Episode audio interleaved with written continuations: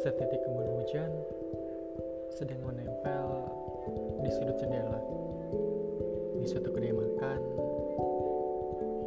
yang syarat akan kenangan dan juga cinta. Ya, Surabaya memang indah. Monokromo, Jalan Darmo, hingga lidah wetan yang menjadi saksi bahwa dua orang anak muda telah ingat saat seorang menyatakan cintanya di kala senja, di tepi pelabuhan, dan di tengah dermaga. Aku ingat juga di saat sepasang kasih beradu emosi di tempat tinggal yang hanya sementara. Surabaya dan kita memang sangat dekat. Gagahnya sang pahlawan membuatku selalu ingin kembali dan memutar garis waktu.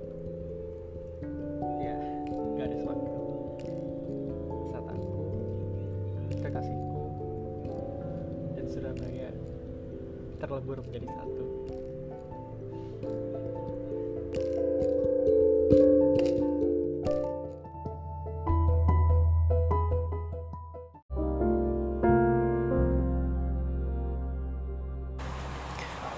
Waktu itu, aku sedang di rumah.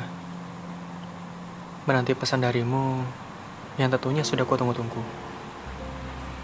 Waktu itu aku juga berdoa, berharap waktu bisa menjadi titik temu. Tak lama kemudian, aku menerima pesan darimu. Ya. Pesan untuk mengajakku bertamu di rumahmu yang megah. Pukul 4 waktu itu aku tiba di rumahmu. Rumah yang besar, tentu. Sang pemilik pun memiliki hati yang besar pula. Saat itu aku mulai mengenalmu. Tatanan matamu, senyummu, lalu kuputuskan untuk tetap bersamamu. Selain karena pada pukul 4.30 hujan sedang riuh-riuhnya di luar. Hari itu terasa panjang. Saat kita terjebak dalam pelukan hujan. Saat bibir manismu membuatku diam tanpa satupun detak ini ingin berontak.